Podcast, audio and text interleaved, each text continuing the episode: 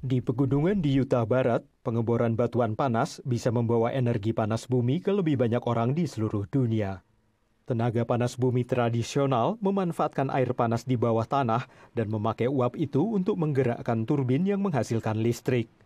Hal ini bergantung pada sumber mata air panas yang stabil di dekat permukaan. Penelitian yang disponsori Departemen Energi Amerika di Utah ini mengupayakan panas bumi lingkar tertutup. John McLennan adalah pimpinan teknis proyek ini. The principle for doing that is to drill wells to depth to reach the heat and then create hydraulic fractures that connect these wells so that you've pr- produced a heat exchange system. Now you can circulate cold fluid through one well.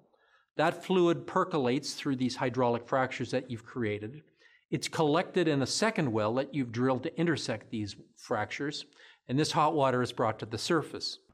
Cairan itu digunakan untuk memanaskan atau menghasilkan listrik, seperti halnya panas bumi biasa.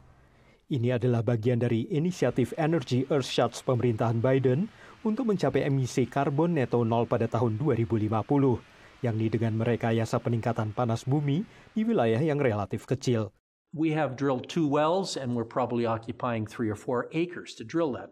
Now you compare that with the footprint of some other renewables and it's it's really quite modest. Pengembangan di laboratorium lapangan bawah tanah ini menarik minat dari seluruh dunia, menurut manajer proyek Joe Moore. Imagine if we could produce a geothermal system wherever we wanted, somebody's parking lot.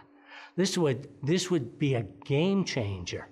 Penelitian terbaru mengenai energi panas bumi ini dapat membawa sumber daya terbarukan yang tidak pernah habis, yakni panas dari inti bumi ke berbagai belahan dunia.